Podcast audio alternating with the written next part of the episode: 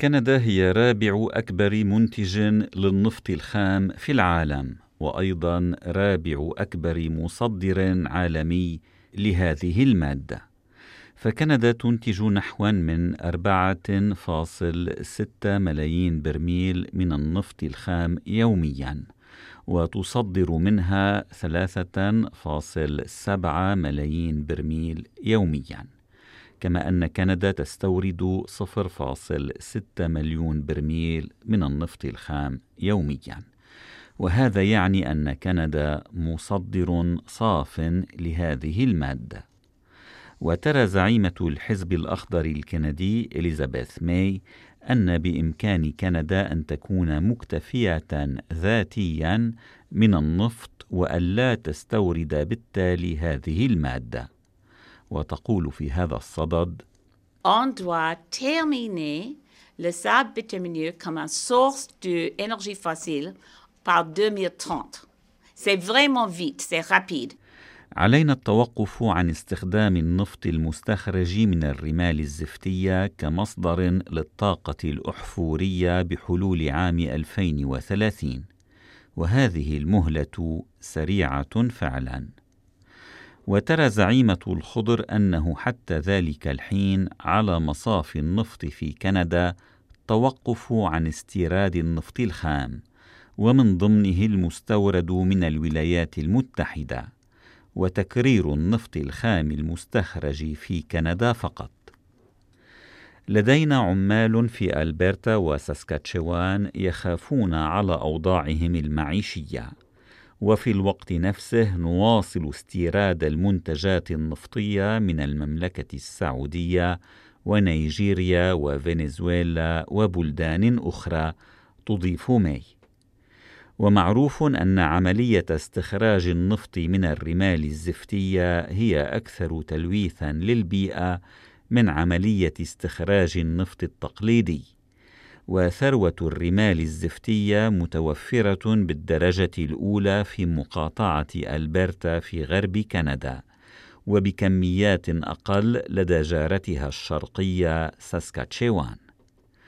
وما تدعو إليه إليزابيث ماي من اكتفاء ذاتي من النفط ممكن من الناحية النظرية ولكن هناك تحديات عملية تواجه بلوغ كندا هذا الهدف كما يفيد تقرير لراديو كندا.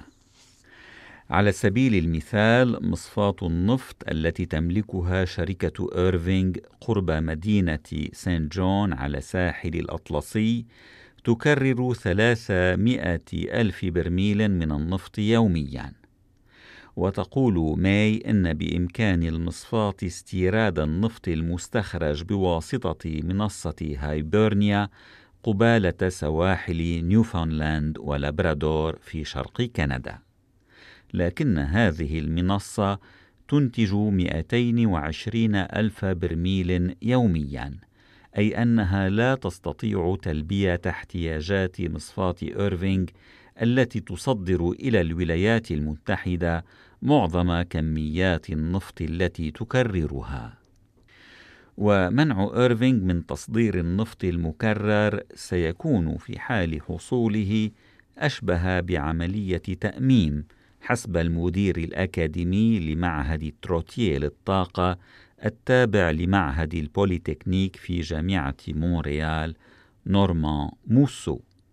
كما سيكون صعبا جدا على كندا إجبار مصافي النفط الكندية على استخدام النفط الكندي فقط إذا ما أردنا الحفاظ على اتفاق التبادل الحر مع الولايات المتحدة والمكسيك يقول البروفيسور شارل سيغان من قسم العلوم الاقتصادية في جامعة كيبيك في مونريال.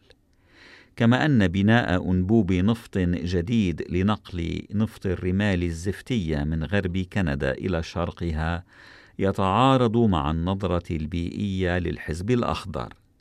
إضافة إلى أن عملية استخراج هذا النفط هي أكثر إنتاجا للغازات الدفيئة بنسبة 17% من عملية استخراج النفط الصخري القادم من الولايات المتحدة.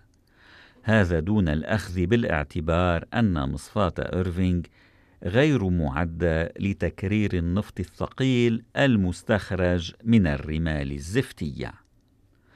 وفي الخلاصة يرى تقرير راديو كندا استنادا إلى أهل الاختصاص أن بلوغ كندا الاكتفاء الذاتي من النفط يتطلب إجراءات ومشاريع تتعارض مع المبادئ البيئية للحزب الأخضر والاقتصاد السوق.